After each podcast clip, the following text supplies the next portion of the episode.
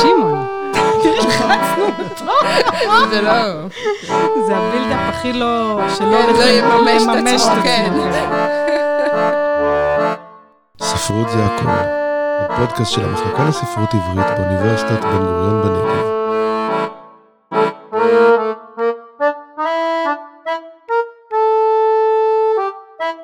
שלום למאזינות ולמאזינים של הפרק השמיני של ההסכת של המחלקה לספרות עברית באוניברסיטת בן גוריון בנגב, ספרות זה הכל. לאחר הפסקה כפויה בעקבות הסגר של חודש ינואר ופברואר, אנו נרגשות לראיין היום את שמעון עדף, סופר, משורר, מסאי, עורך, ראש המסלול לכתיבה יצירתית במחלקה שלנו, מנטור ואדם בעל זכויות רבות בספרות הישראלית. אני חושבת שקראתי איתך הרבה רעיונות וזה, והרגשתי שהבאת המון דברים חדשים אני פה. שמח לשמוע. אני תמר סתר, ולצידי יושבת מוריה דיין קודיש, שהתראיינה בפרק 6 בהסכת זה, ותתרום לנו גם הפעם מחוכמתה ומניסיונה כסופרת, חוקרת ועורכת, והפעם ביושבה על כיסא המראיינת. תודה לגלי שחשבה על הפרק איתנו ושתערוך אותו. לצערנו הרב, הרוח החיה, המצחיקה, היזמית והחכמה שעומדת מאחורי ההסכת, גלי סיטון, חוגגת בדקות אלה ממש יום הולדת לאבן גבירול. וואו, הוא בן אלף, באמת בן אלף. הוא לגמרי. ולכן היא לא תוכל להצטרף אלינו, אבל ננסה לעשות את המיטב, גם בלעדיה. תודה רבה לבוזי רביב, שיושב איתנו באולפן ומקיים את הרעיון מבחינה טכנית, ואחראי על כל ההסכתים הנפלאים של האוניברסיטה, ואנחנו מתחילות. שמעון, אנחנו רוצות לדבר איתך על כמה נושאים. אנחנו מקוות שנצליח לדבר על הכל בשעה הקרובה. אתה עושה כל כך הרבה דברים, ואנחנו ממש נרגשות לקראת הראיון הזה.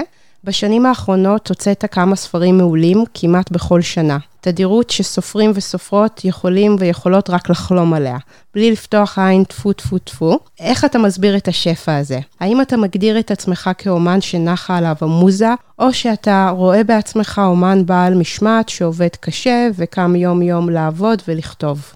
טוב, אז קודם כל תודה שהזמנתם אותי, אני ממש שמח uh, להיות פה. תודה על ההצגה שקצת uh, עכשיו מחייבת אותי באמת לעמוד ב... לא מספיק ה- אה, אלה שקדמו לי בהסכת, אז עכשיו עוד סטנדרט שאני צריך לעמוד בו, אני אשתדל להיות ראוי לו. קודם כל, אני לא חושב שעבודה קשה מוציאה מכלל חשבון את ההשראה. זאת אומרת, הרבה פעמים אנחנו נוהגים להציג את האפשרויות האלה ליצירה כעוינות לפעמים, ואני חושב שהרבה פעמים בתחום השירה זה יותר חמור מבתחום הפרוזה, כי בתחום הפרוזה אפילו אה, כותבים שכותבים מתוך השראה מבינים שאין מה לעשות. יש הרבה מילים בפרוזה ומישהו צריך לכתוב אותם, או מישהי צריכה לכתוב אותם. בזמן שבשירה אפשר לחיות, לשגות באשליה שדברים פשוט יוצאים. ובשירה באמת יותר קשה ללמוד לעבוד מאשר בפרוזה, שכמו שאמרתי, זה אה, פרוזה מחייבת ללמוד לעבוד, ואני מאוד מעריך אומנים שיודעים לעבוד, ואומניות גם, שיודעות לעבוד. אז אני גם עובד נורא קשה. למרות שבתפיסה העצמית שלי, אני בטלן שאין? כדוגמתו, ממש. וואו. לפי דעתי, התחושה, התחושה שלי שאני רוב הזמן מבזבז זמן. וואי. אה, כן, משום שאני, אה, והדרך הטובה להסוות את הבזבוז זמן, זה להעמיד פנים של אדם מאוד יצרני ויצירתי. העמדת הפנים הזאת אה, עובדת בצורה מושלמת. בסוף. אפילו אני אשתכנע ממנה, אני שמח לשמוע. קשור ל... אני חושב שהעניין קשור לתהליך היצירה שלי. כשאני כותב, אני אה, כותב בצורה מאוד אינטנסיבית. גם יצרתי לעצמי מין, מין אורח חיים שמאפשר לי לעשות את זה. אני גם מלמד בא, באוניברסיטה, אז לוח הזמנים של שנת ההוראה הוא כזה שיש שלושה, לפעמים ארבעה חודשים בקיץ שאפשר לשבת, שאני יכול לשבת לכתוב. אני גם, אה, אני חי די, בימים רגילים די בבידוד, זאת אומרת, זה לא שהבידוד שלה והסגרים אה, לא השפיעו עליי בצורה משמעותית, כמו שהשפיעו על אחרים, כי זה גם נטיית הלב שלי. בקושי אז- שמת לב שבכלל אה, לא, הייתה פה. שמתי לב, כי פתאום איכשהו, דווקא לא היה לי כל כך מזל בסגרים, כי החוץ נהיה יותר רועש. אני איכשהו יצא ש, שהחוץ הפך להיות רועש בסגרים האחרונים, או בשלושת, הסג- בשנה האחרונה. בין אם אה, רעשי בנייה. אה, באמת? ב- כן, אני חושב שהרבה, אני חושב שהרבה מקומות ניצלו את הסגרים בשביל להתקדם, להאיץ כל מיני פרויקטי בנייה שהיו להם, וזה פחות או יותר הענף היחיד שלא ממש שבת או לא נפגע. נכון. להפך, הוא זרק לו מרץ בתקופת הסגרים. או פשוט אה, ילדים שהם מתכנסים ברחוב והם... אה, משועממים. משועממים, כן. אז איכשהו, פתאום שמתי לב הרבה יותר לחוץ. אז, תנאי החיים שלי כן מאפשרים לי. לקחת חופש מהעולם ולשבת שלושה, ארבעה חודשים ורק לכתוב. כמובן זה קשור גם למזג בכתיבה. אני, יש הרבה מאוד מזגים, יש הרבה מאוד יוצרים ויוצרות, ולכל אחת ואחד יש מזג אחר. וצריך, אני חושב שכותבים, אחד הדברים החשובים זה שהם צריכים ללמוד מהמזג שלהם בכתיבה. יש לנו כל מיני דגמים חיצוניים, ואנחנו רוצים להטמיע אותם או לחקות אותם, והרבה פעמים גם מודדים את עצמנו ביחס אליהם. למשל, שאני אומר לכם שאני בטלן, ואתם פתאום... אה, נחרדות. אה, נחרדות מזה, כי יש לכם איזה, איזה, איזה דגם, שאני לא בטוח שהוא מתאים לאופן הכתיבה אה, שלכם, או אופן העבודה שלכם. אני פשוט נורא משתקע.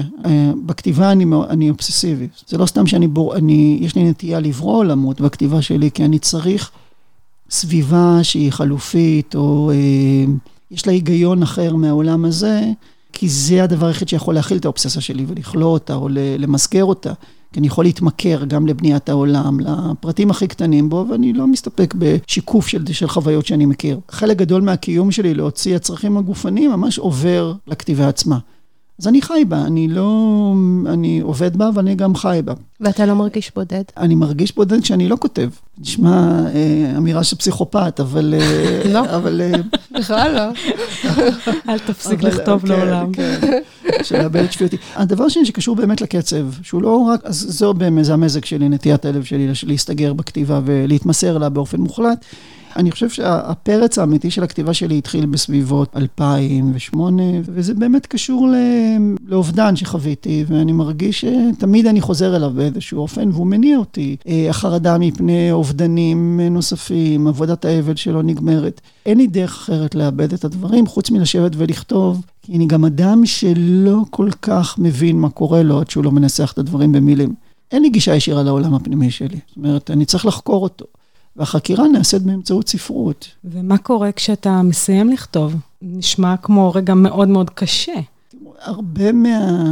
אני אצטט את עצמי, אוקיי? לגיטימי. זה לא, לא בריא אף פעם לכותבים, אבל אה, אני אצטט את זה כי במקרה מונח על המהלך פוסט-מודרני, כן? במקרה על, ה... על השולחן מונח הספר האחרון שלי, הלשון ושלב, ובתוך הספר אני מופיע כדמות שולית מאוד, שמחבר של ספר אחר, שחשוב מאוד להבנת הספר הזה, והדמויות כותבות לי או לבן דמותי, ובשלב מסוים אחת הדמויות מחפשת רעיונות איתי, ויש שם רעיון מפוברק שבו אני מדבר על השנאה העצמית שקשורה לכתיבה שלא מדברים עליה. זאת אומרת, עד כמה הכתיבה קשורה גם אה, לשנאה העצמית. אני חושב שכשאני לא כותב, או כשאין לי טבע- עבודת כתיבה לפניי, אני מתעסק הרבה מאוד בשנאה העצמית. פתאום זה רגע שאתה חייב להביט במראה, כן. ולא רק בתוך העולם הבדוי הזה. לא, אני חושב שאני, גם, גם העולם הבדוי הוא סוג של מראה.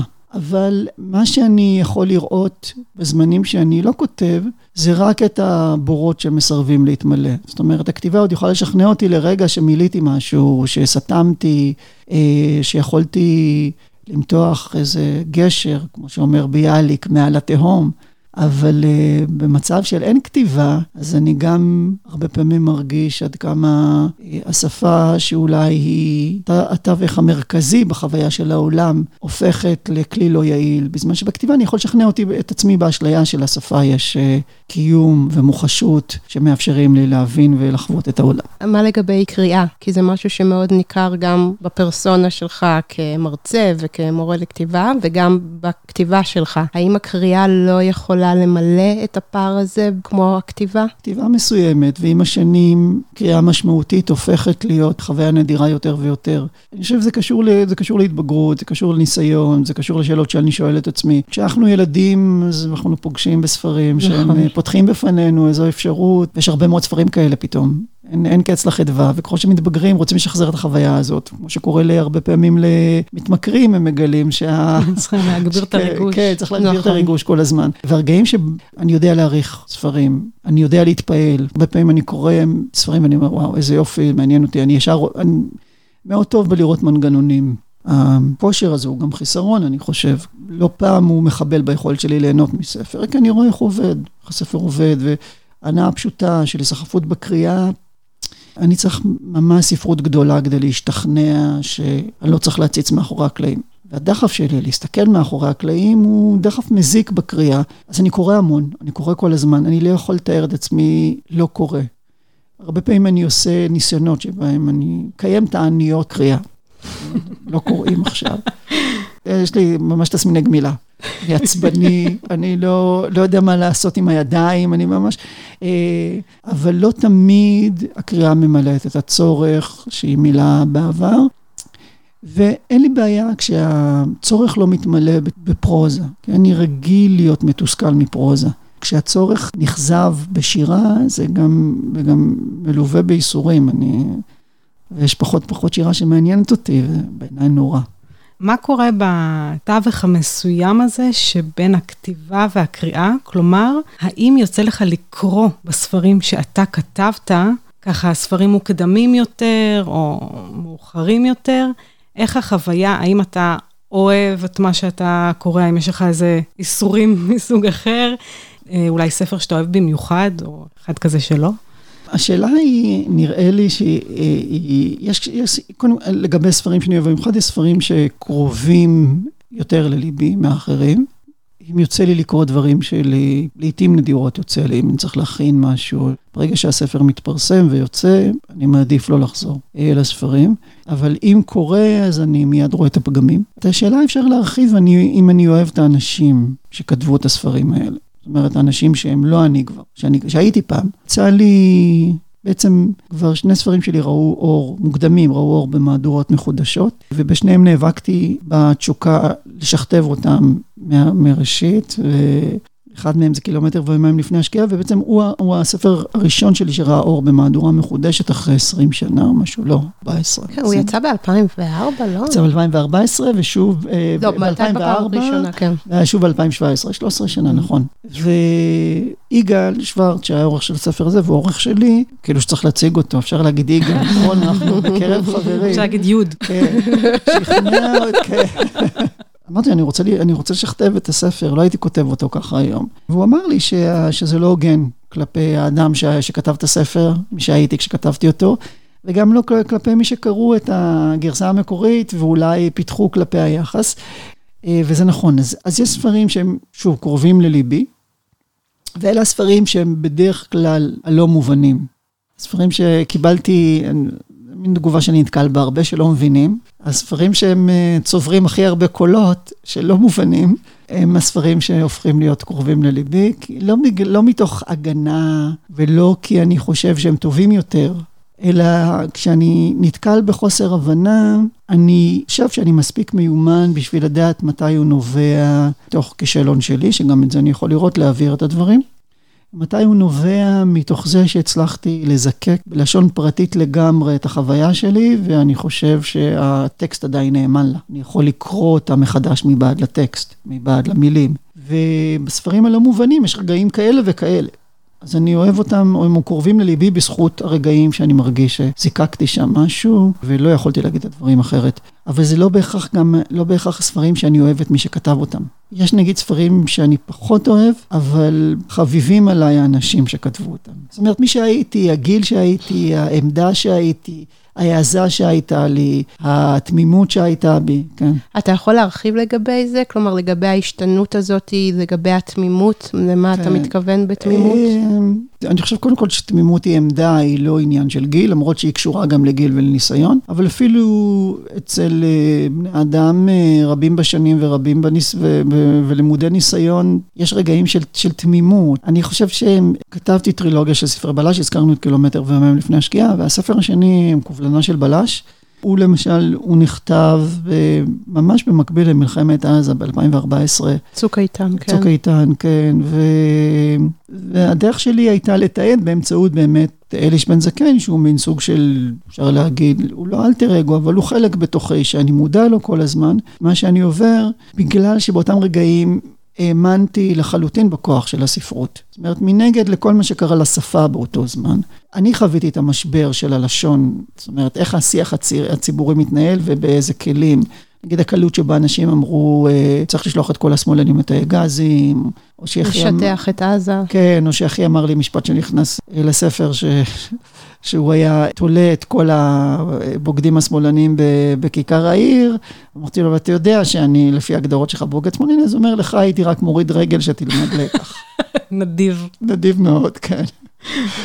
וזה היה ממש, והצורה שבה גם לא אנשים יכולו לדבר בלי, בלי להיענש, או בלי, לא, זאת אומרת, מי שנענשו זה אנשים שפתאום דיברו על אה, זכויות אדם. ובוא נבין שבשני הצדדים חיים בני אדם, נרצח את כולם, זה היה בסדר. והרגשתי זעזוע מהשפה המדוברת או מהשיח, אבל גם האמנתי ביכולת של הספרות להעמיד חלופה. וזה יצר עמדה מאוד, אני חושב, נאיבית, שאני אני, אני לא נמצא בה, אבל יצא לי לקרוא את הספר כי הוא תורגם לאנגלית, הייתי צריך לעבור, אז יכולתי לראות את העמדה המאוד תמימה הזאת, ויכולתי לחבב את האדם שכתב אותה, למרות שאני לא חולק את השקפת העולם הזאת כבר איתו. זה ממש מעניין מה שאתה אומר, ואני רוצה רגע לחזור למה שאמרת מקודם. הייתה שם אה, איזו אמירה שהיא בעיניי אה, מדהימה. אמרת שהספרים הפחות מובנים הם אלו שיותר קרובים ללבך, וזה כאילו הקוראים מפריעים לך. זאת אמירה חריפה שהקוראים לא מפריעים לי. כלומר, אני... מזה משתמע, ככל שהם יותר מפענחים את מה שניסית להגיד, הם מפריעים לך באיזושהי חוויה של כן. זיקוק. נכון. מצד שני, אמרתי שהם לא נתקלו בחוסר הבנה מוחלט. תוך כל חוסר ההבנה הכללי, חלק שלהם היה נרחב גדול יותר משל האחרים, כאילו גם בתגובות מאוד מבינות. ודווקא התגובות האלה היו לי הרבה הרבה יותר חשובות. הספרים המוקדמים שלי, אני אזכיר שני ספרים שהם יחסית פופולריים. אחד מהם זה הלב הקבור, והשני הוא פנים צרובי חמה, הם נכתבו באותה תקופה פחות או יותר.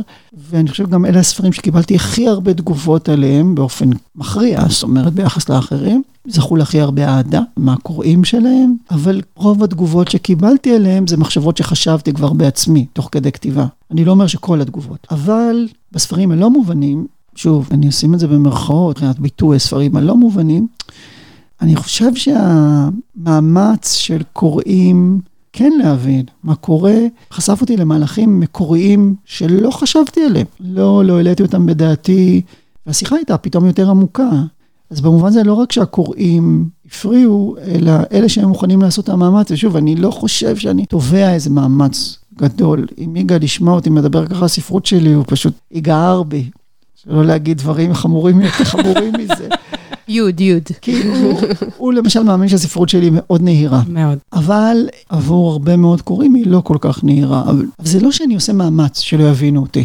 אם אני צריך להכריע בין הבנה של איזה קוראים מדומיינים, שאני לא יודע מי הם, זה גם בעיה. אתה לא חושב עליהם? כאילו על הקורא או הקוראת המדומיינים? לא, אבל לבין נאמנות לחוויה שלי, כן, אני מעדיף את הנאמנות לחוויה שלי, כי בסופו של דבר, הכותבים שאני הכי מעריך, שנתנו לי הכי הרבה, אלו כותבים וכותבות שהיו קשובים באופן מוחלט לחוויה שלהם. עכשיו, אני לא אומר שאני כותב ברמתם, אבל כן שואף לשם. מי הם? יש לא מעט, בוא נגיד מספרות עולם, כדי לא להיכשל בלשונים. בטח, כן, בטח. אוקיי? אז בוקנר הוא סופר כזה, בולני הוא סופר כזה, קלריס ליספקטור היא סופרת כזאת. באופן מפתיע, אליס מונרו, שהרבה פעמים נתפסת כסופרת מאוד נגישה, היא סופרת כזאת, בעיניי היא סופרת מאוד קשה. רגע, שמים בצד את הסיפור הנורא והדמויות המעניינות, ומסתכלים על המנגנונים שמפעילים את הסיפור, היא עושה שם דברים כל כך משוכללים. וברור שה, לי שהמנגנונים המשוכללים לא נועדו לייצר סיפור טוב. הם נועדו להעביר מבנה נפשי משוכלל. וגם אם יש לה הרבה משחקי הסתרות שם שאני מאוד אוהב. מספרת דמות של מישהו, איזה דמות בעצם היא רוצה לדבר על עצמה, והמספרת אף פעם לא יודעת לדבר על עצמה. עגנון הוא גם כותב כזה. שתמיד מהדלת הצדדית וצריך כל הזמן לעקוב אחריו, צריך להיות דרוך למה הוא רוצה להגיד באמת. זאת אומרת, בתוך כל השפע הלהטוטים האלה, אמרתי שאני לא אדבר, אבל עגנון מבחינתי זה כן. לא, אין, עליו, אתה לא פותח פה חזית. כן, אז תוך כל הווירטואוזיות שלו, יש שם קשב מוחלט, אחרת אי אפשר להבין את החירות שלו. ואני חושב שזה קשור, שהדברים קשורים. הקשב לעצמי והחירות הצורנית, החירות של המבנה, של הקומפוזיציה, של... ברגע שהם משתחררים מהעול של ציפיות חיצוניות, השחרור הזה הוא uh, מתבטא באמת בחירות עצומה. לשמחתי יש גם יוצרים עבריים כאלה ויוצרות שאני... אני מנע מלהגיד, אבל נגיד שאחת מהן זכתה לא מזמן בפרס חשוב. ואם היית יודע שאין לספרות שלך קוראים, היית כותב באותה אינטנסיביות? לגמרי. השאלה אם הייתי מוציא או לא מוצאת בספרים, שאלה שאני נטרד בה, כי למעשה יש לי שני כתבי יד שאני כרגע לא מרגיש דחף ממש להוציא אותם. פשוט אה, מדי פעם אני חוזר אליהם, מסתכל, קורא, בודק, מוסיף עליהם. זאת שאלה קשה, אני חושב שלפני שמפרסמים, או אפילו כשמפרסמים, אחרי שמפרסמים ספר אחד או שניים, עדיין יש את ההפרדה בין הכתיבה לפרסום. השאלה של הקוראים היא מגיעה הרבה יותר מאוחר, וככל שמפרסמים יותר, גם יותר קל לפרסם דברים שכותבים, טכנית, יש כבר את כל התשתית, וגם מפנימים את העובדה שכתיבה רואה. כשהמחשבה הזאת לא כל כך קיימת לפני שיוצא באמת ספר.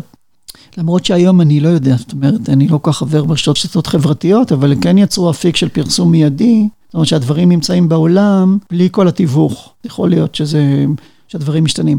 אבל כן, אני חושב שגם אם לא היו, אם לא היו קוראים בכלל, הייתי כותב אה, לגבי הפרסום, אני לא יודע, יכול להיות שזה פשוט איזה עניין אינסטרומנטלי, הפרסום. משהו מאוד מעניין בספרות שלך, שהיא נורא מחוברת לעכשיו, והיא גם כל הזמן פונה אל העתיד. אתה מאוד מחובר אל הטכנולוגיה ואל השפה ואל הסלנג, ומראה לנו לאן זה יכול להתפתח. כן, בדרך כלל אה, אני חוזה מגפות. שמסתבר שהן אה, מתגשמות. אה, אני חושב שאלת הזמן בספרות היא שאלה קריטית, או לא רק עבורי, אבל אני מקדיש לה הרבה מחשבה. ויש כל מיני צורות של מחשבה על זמן, זמן כקטגוריה של משמעות, זמן כתקופה. אה, אני חושב שהכוח של הספרות הרבה פעמים זה היכולת להקיף את הזמן.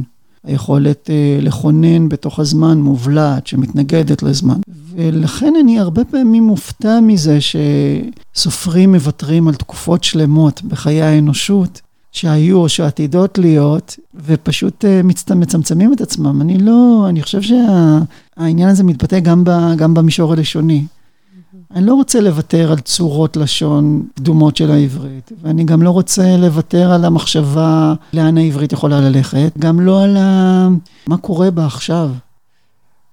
וזה בעצם העניין הזה גם מחייב אותי לייצר פרקי זמן נורא ארוכים, שבהם העבר, או מה שאנחנו קוראים עבר, הווה ועתיד, לא פעם נבללים, ולא פעם גם לא מסודרים בסדר שאנחנו רגילים אליו.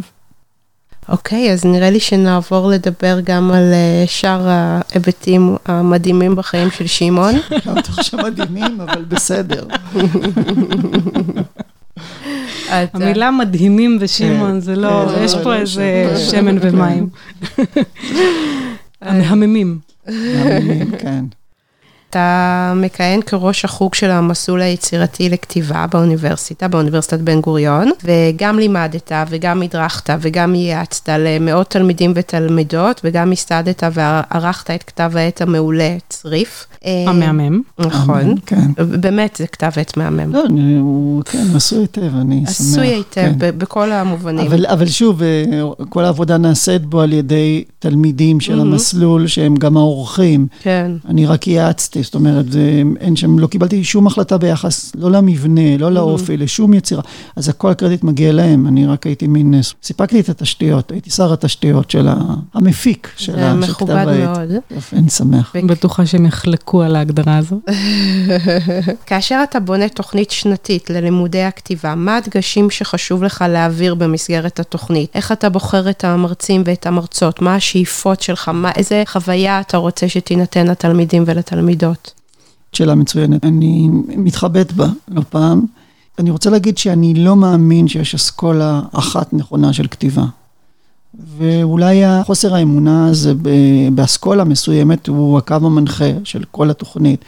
אני מאמין שתלמידים לכתיבה צריכים להיות מאותגרים כל הזמן, ולהתנסות בכמה שיותר צורות ואופנים של כתיבה שבדרך כלל הם לא, לא מתנסים בהם או לא מגיעים אליהם. וגם אם יש לי פרויקט פרטי, זה תמיד להתנגד למגמות שליטות ולהציג חלופות. כשאני בונה תוכנית, אני חושב קודם כל, מה הקולות שנראה לי שיהיה מעניין לתלמידים להיתקל בהם, שפועלים כרגע בתחום, ה, אה, בספרות העברית. והרבה פעמים ההנחיה שאני נותן למורים שאני מזמין ללמד, זה אל תבואו ותלמדו את מה שאתם מלמדים בדרך כלל. אני רוצה שתלמדו שאלות שמטרידות אתכם עכשיו בכתיבה, תבנו סביב זה סדנה. כי להרבה מורים, וגם לי יש כבר סדנאות שהם, איך להגיד, הוכיחו את עצמם, ניתנו בכל מיני מסגרות, ולא פעם זה באמת מה שמעניין את הכותבים האלה, אבל אם אני מזהה משהו, נגיד כותבת, שהעניין של העמוק שלה הוא בדמויות. אוקיי, אז בואי תתני סדנה בדמויות, אל תתני סדנה עכשיו בהיבטים של הכתיבה שהם לא mm. בדיוק התחום החזק שלך, ואני כן מאמין שלכל כותב וכותבת יש תחומים חזקים יותר, חזקים פחות. להביא שאלות שמטרידות, כי אני חושב שזה הופך את הספרות לאירוע חי. לא, אין פה ידע להעביר. יש פה התנסות. אז זה שיקול אחד. אני מנסה לייצג כמה שיותר היבטים של הקיום הישראלי, שזה גם, הרבה פעמים הקיום עצמו יוצר פואטיקות מסוימות, או, ש, או מציב שאלות שלא תמיד אה, נתקלים בהן. לא, אני לא מצליח לפעמים, כמעט כל שנה אני ממש מזמין מורים, כבר מסדר איתם, ואז זה לא מסתדר, ואני לא מצליח למצוא תחליף, וזה קצת מייאש, אבל אין מה לעשות זאת המציאות גם. יש לך עניין בהיבט התרפואטי של uh, לימודי כתיבה? כי יש פריחה אדירה של התחום, כן. של הז'אנר. חלק מהמגיעים טעמים uh, כאלה ואחרים, אני מניחה שחלק גם מוצאים את עצמם במסלול לכתיבה יצירתית. קודם כל, איך אתה מסביר את הפריחה האדירה הזאת, ובתור חוזה עתידות, לאן זה הולך? אז קודם כל העניין התרפויטי, אני לא חושב, אני חושב שבכתיבה יש ממד תרפויטי. אני לא חושב שהממד התרפויטי הזה הוא מה שמניע בסופו של דבר אנשים כותבים לכתוב. מי, ש, מי שבאים בשביל הדינמיקה הקבוצתית, או בשביל להביע את עצמם, לחוות איזו השתתפות בעולם שלהם, אז אני לא חושב שיש להם כל כך מה לחפש פה, כי יש הרבה מאוד סדנאות כתיבה. מאוד חשוב לי שהתלמידים שיצאו מפה ילמדו מה זה להיות כותבים. זאת אומרת, לא רק לכתוב, או ישכללו את הטכניקה שלהם, יעשירו את התחבולות של הכתיבה שלהם, יפתחו להם אופציות, אלא שיבררו לעצמם מי הם ככותבים, מי הם ככותבות, ואיך הם עכשיו חיים אחרי זה. זה מקום ש... שהוא במובן הזה הוא מחייב, אני מקווה, מחייב תלמידים לקבל החלטות חשובות בחיים. אם יש לזה השתמעות תרפויטית או יש לזה השלכה תרפויטית, אני לא יכול למנוע, אבל זאת לא הכוונה. כשאני מזהה מורים שנוטים למשוך לכיוון התרפויטי, שהופכים את סדנה לדינמיקה קבוצתית, אני לא מזמין אותם שוב. כדאי לכם להקשיב כן. להסכת הזה, אם אתם רוצים עבודה בשנה הבאה. בסדנאות שלי אני מנסה לייצר סביבה שהיא פתוחה מספיק, שאנשים יוכלו להביא כל טקסט שהוא, בלי להתנצל, אבל לא מוכן שהדיון יתמקד בכותבים עצמם. כותב או כותבת יכולים להביא טקסט שהוא אה, נוגע לחוויה או התנסות מאוד קשה שהם עברו. והסביבה צריכה להיות פתוחה, הדיון צריך להיות כזה שאי אפשר לדון בדקויות של החוויה, אבל מה שמעניין זה לא הכותב או הכותבת, אלא איך הכאב הזה, או ההתנסות הקשה מגולמת בטקסט, מתורגמת ליצירה. חשוב לי לשמור על ההבחנה הזאת. כי הנטייה שלנו בתור בני אדם זה באמת לנחם, לפייס, ואני מאמין שכותבים חייבים אה, ללמוד להיות קשים עם עצמם. מעניין, אני פשוט חושבת על האופן שבו אתה הגדרת את הדרך שלך לכתיבה, ודיברת לגמרי במושגים של אה, פצע, של אבל, של עיבוד, של עולם אני רגשי. לא, אני לא אומר שהמקור ליצירה בהכרח הוא לא רגשי, הוא לא סבוך, אבל הדיון לא יכול להיות בפצע עצמו. חייב להיות באילו דרכים הכאב מתגלם ואיך זה הופך, מה הרגע שזה הופך להיות ספרות, שהדברים הופכים להיות ספרות. שאלה אחרת. זה מזכיר לי את הסרט הזה, שכחתי איך קוראים לבמאי, טד. טוד היינס או משהו כן, כזה, שזה כאילו סרט שמורכב משני סיפורים. טוד סולונדז. טוד סולונדז. Storytelling זה נקרא, קוראים לזה אגדות וסיפורים, כן. נכון? בעברית. אז יש שם את הסיפור על המרצה, סדנת כתיבה, שהוא שוכב עם אחת מהתלמידות, ואז כאילו היא מביאה את זה לכיתה, וזאת היא הסצנה הסופית, ואז הוא אומר לה, את יודעת, סוף סוף הבאת סיפור שיש לו התחלה, אמצע וסוף. לא, אבל גם, גם אה, אה, יש ביקורת על הסיפור בקבוצה, והוא אומר, לא חשוב מה, מה היה, חשוב איך הסיפור מציג את הדברים. זה באמת אחרת, כן. נכון. אתה מסוגל ממש לקטוע דיון רגשי ולהגיד זה לא רלוונטי? לא, אני לא אומר שזה לא רלוונטי, זה גם בעיניי לא, לא נכון לעשות את זה. אבל החוכמה היא באמת לתעל או לנווט את הדיון ככה שהוא לא ילך למקומות האישיים. כי אני לא יכול למנוע מתלמידים ותלמידות להגיד שהסיפור השפיע עליהם או השיר השפיע עליהם בצורה חזקה ושהם יזדהו. כן, זה נקרא לי תגובה הולמת. אבל בתור תלמידים בסדנת כתיבה הם, הם מחויבים לדווח על מה יצר את זה. מה יצר את האפקט? לעגן את האפקט בטקסט. כי אחרת האחרים לא ילמדו, זאת אומרת, תחושה, זאת התחושה שלי, היא לא אופנתית, אני חושב, אבל... עכשיו, למ, למה הגידול העצום בסדנאות כתיבה? אני חושב שכן קשור לפריחה של רשתות חברתיות, ולתחושה שכולם יכולים לכתוב. אני לא אומר שלא כולם יכולים ללמוד לכתוב, אבל אני אומר ש... שלא כולם הופכים להיות כותבים בסוף. יש בלבול, יש... מאחר שאנחנו משתמשים בשפה, אז השפה נראית לנו מדיום נגיש, ואז כולנו יודעים להשתמש בה.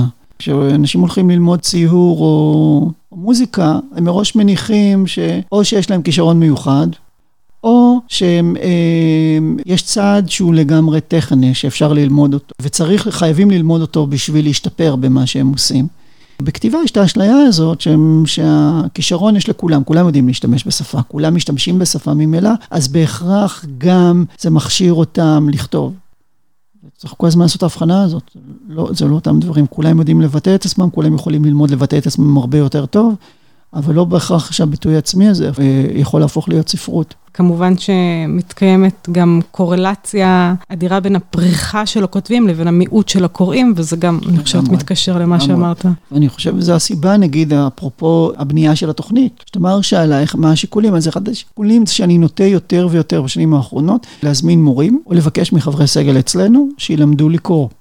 זאת אומרת, לא לקרוא דרך מחקר הספרות, אלא איך כותבים קוראים, כי גם לקרוא צריך ללמוד. קריאה נאיבית לא מקדמת כותבים בכתיבה שלהם. יש מה שנקרא כתיבה פעילה, ולדעת לקרוא זה באמת כושר שהולך הולך ועובד ככל שעובר הזמן, כי אנשים כותבים ולא קוראים. לפני, אה, ממש כשהסתיים הסגר השלישי, הלכתי לבקר חבר, יש לו ילד בגיל ההתבגרות, כזה בגיל 16, בדיוק הגיל שבו אה, כולם משוררים. זה נכון. זה נכון, זה הגיל של השירה. והוא בישר לי שהוא... שורר? לא שהוא משורר, שהוא החליט לעבור למגמת ספרות בבית הספר, ואז אמרתי לו, כן, אבל אתה לא קורא. אז הוא אומר, לא, אבל יש לנו עכשיו קבוצה לכתיבה. אמרתי לו, אתה מבין שאתה צריך לקרוא בשביל... אז הוא אומר, כן, למדנו איזה שיר בבית ספר. האחיינית שלי, אגב, אפרופו... הוא לא שיתף אותך אחר כך, שוב, אני מבינה. כן, לא שיתף אותי. התעלתה עליו. בזה נגמר סשן השיתוף. כן, ושאלה אותי באיזה יום, כזה בארוחת ערב בשישי, שאלה אותי, תגיד, אתה מכיר את המשוררת הזאת שכתבה שהיא כמו נמלה? אז שאלתי אותה, מתכוונת לרחל, מתכוונת לצער עולמי כעולם נמלה, רק על עצמי לספר ידעתי. אז היא אמרה, כן, כן. אז אמרתי לה, את מי מזכירה לך? אז היא אמרה, שהיא לא יודעת, מה, את מי מזכירה? אמרתי לה, מישהי שיודעת לדבר רק על עצמה, ומתעניינת רק בדברים שנוגעים לה. אני רוצה לשאול אותך בהקשר הזה, שמעון, ואתה ממש... איש חינוך. אותי נורא מעניין. שבעצם, כאילו גם ממה שאני יודעת עליך וגם ספציפית זה עולה מהשיחה, שאתה מגיע ממשפחה שאתה שונה בה מבחינת הכתיבה והעולם התרבותי, החברתי, הפוליטי. אני מניח ש, שכן, אני נתפס כש... אצל המשפחה שלי כ, כיוצא דופן, ושאני מסתכל עליהם, אני לגמרי רואה רצף שאני במקרה יושב על אחד הקצוות שלו. כי אני בא ממשפחה קוראת, שהאחים שלי בשלבים מסוימים של החיים שלהם הפסיקו לקרוא. אבל לכל הקריאה שלי אני קיבלתי גם מאבא שלי וגם מאחותי הגדולה שלקחה אותי לספרייה ולימדה אותי לקרוא בעצם עוד לפני שאבא שלי השתלט עליי והציגה לי הרבה מאוד ספרים. אז כל החינוך שלי לספרות היה דרך באמת אחותי. אחותי הצעירה קוראת הרבה מאוד. אמנם ספרים שאני לא, לא מחבב, אבל זה לא אומר שהיא לא קוראת. יש לי אחים שיש להם, זו משפחה גדולה, יש להם עניין עמוק בקולנוע, שהם פשוט מכירים, הם, הם סינופילים, ממש, זה, זה העולם שלהם. אני מייחס את זה באמת, את השוני הגדול. אני חושב שפשוט ספרות בשלב מאוד מוקדם של החיים שלי הפכה מאוד חיונית עבורי, בשביל להבין את עצמי.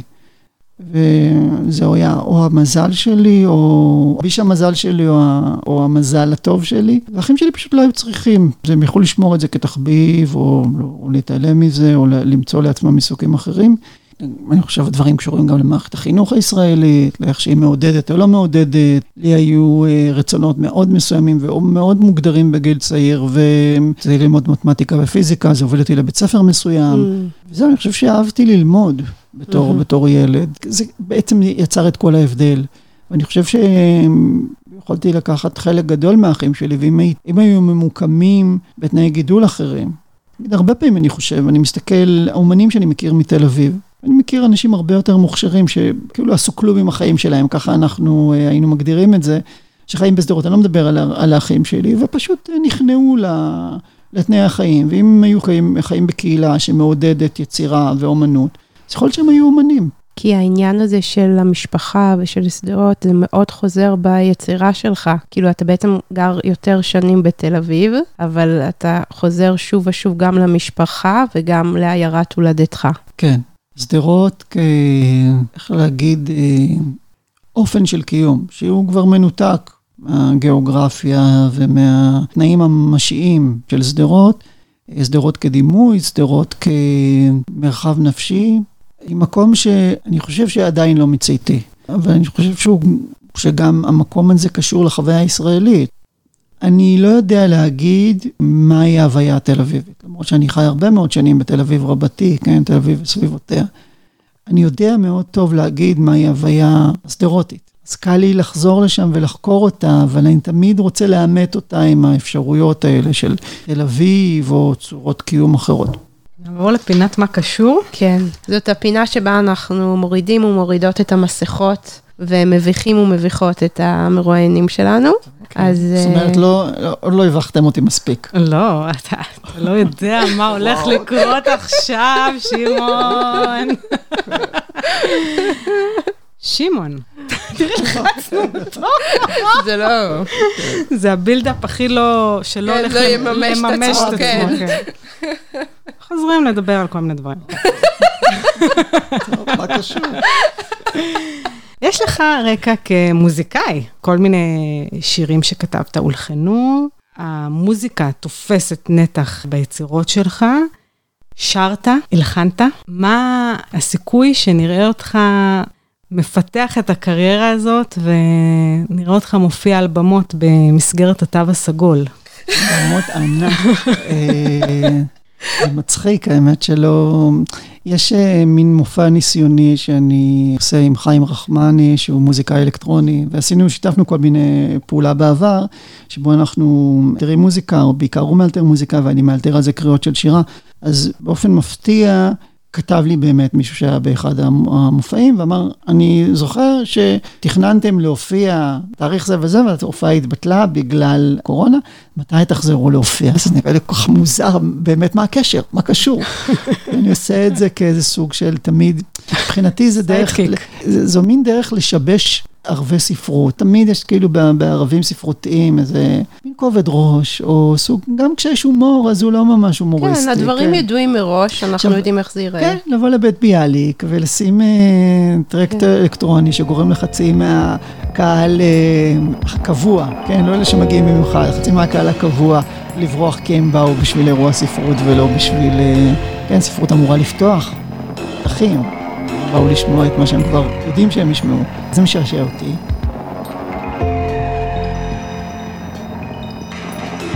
אתה מסוגל לשמוע אותו חורק בתוך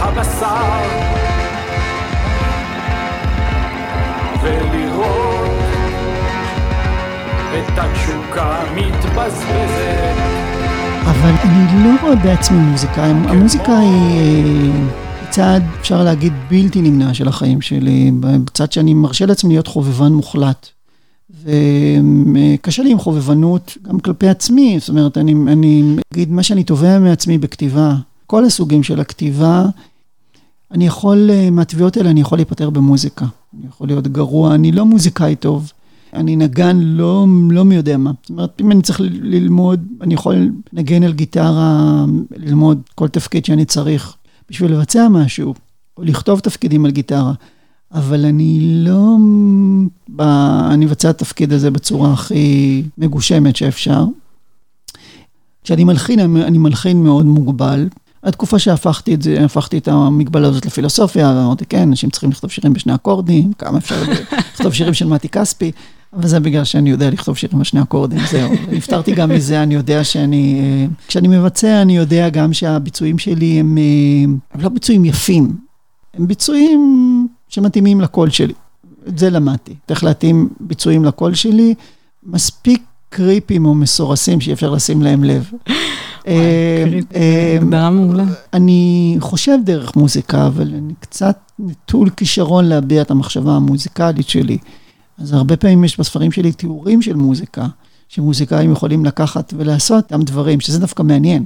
זאת אומרת, לתרגם חזרה את המחשבות שלי מהמילים למוזיקה, ועשיתי ניסיונות כאלה גם עם מוזיקאים, שהלחינו טקסטים שכבר היה, בספרים תואר הלחן ותוארה ההפקה של השירים. אה, חיים ואני עשינו, אה, בעצם הפקנו אלבום של שירי דליה שושן, שהיא דמות מספרים שלי, וחלק מהשירים פשוט מתואר איך הם אמורים להישמע.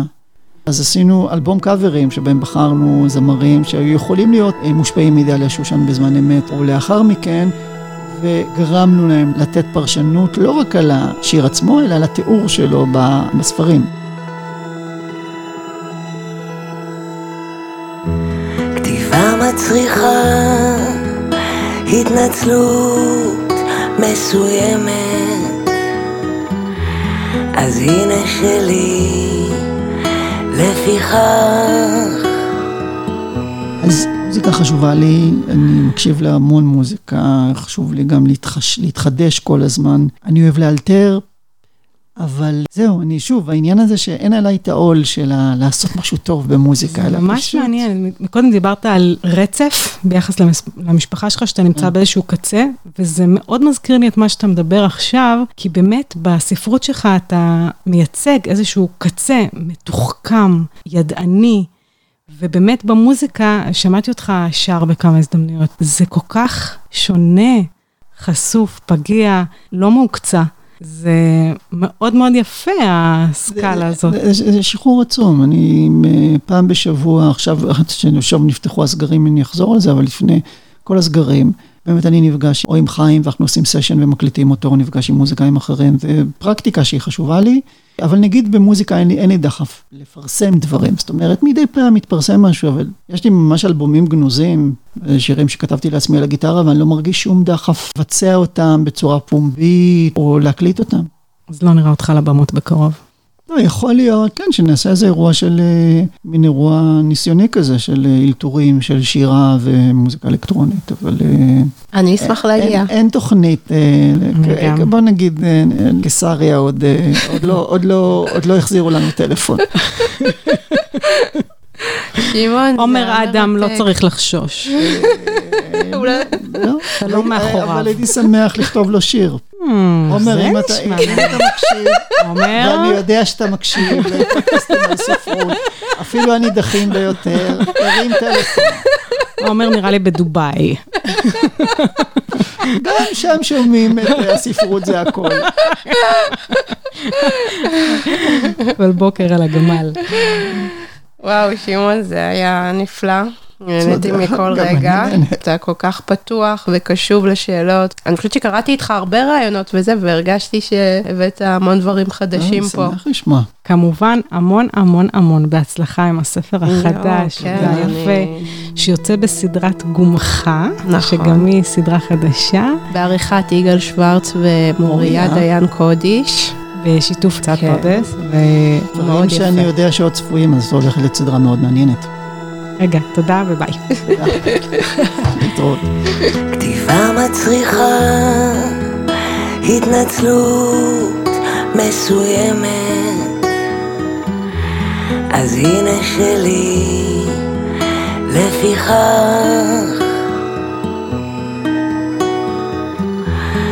אין לי כישרון להיות נאהבת כמו כל דבר חי, אני טובה בלגמול. ומתאספת אצלי מיתולוגיה שלמה מתחת לציפורניים כשאני רואה את החושך שלהם בה. זה כאב שבפיתויו אינני מסוגלת לעמוד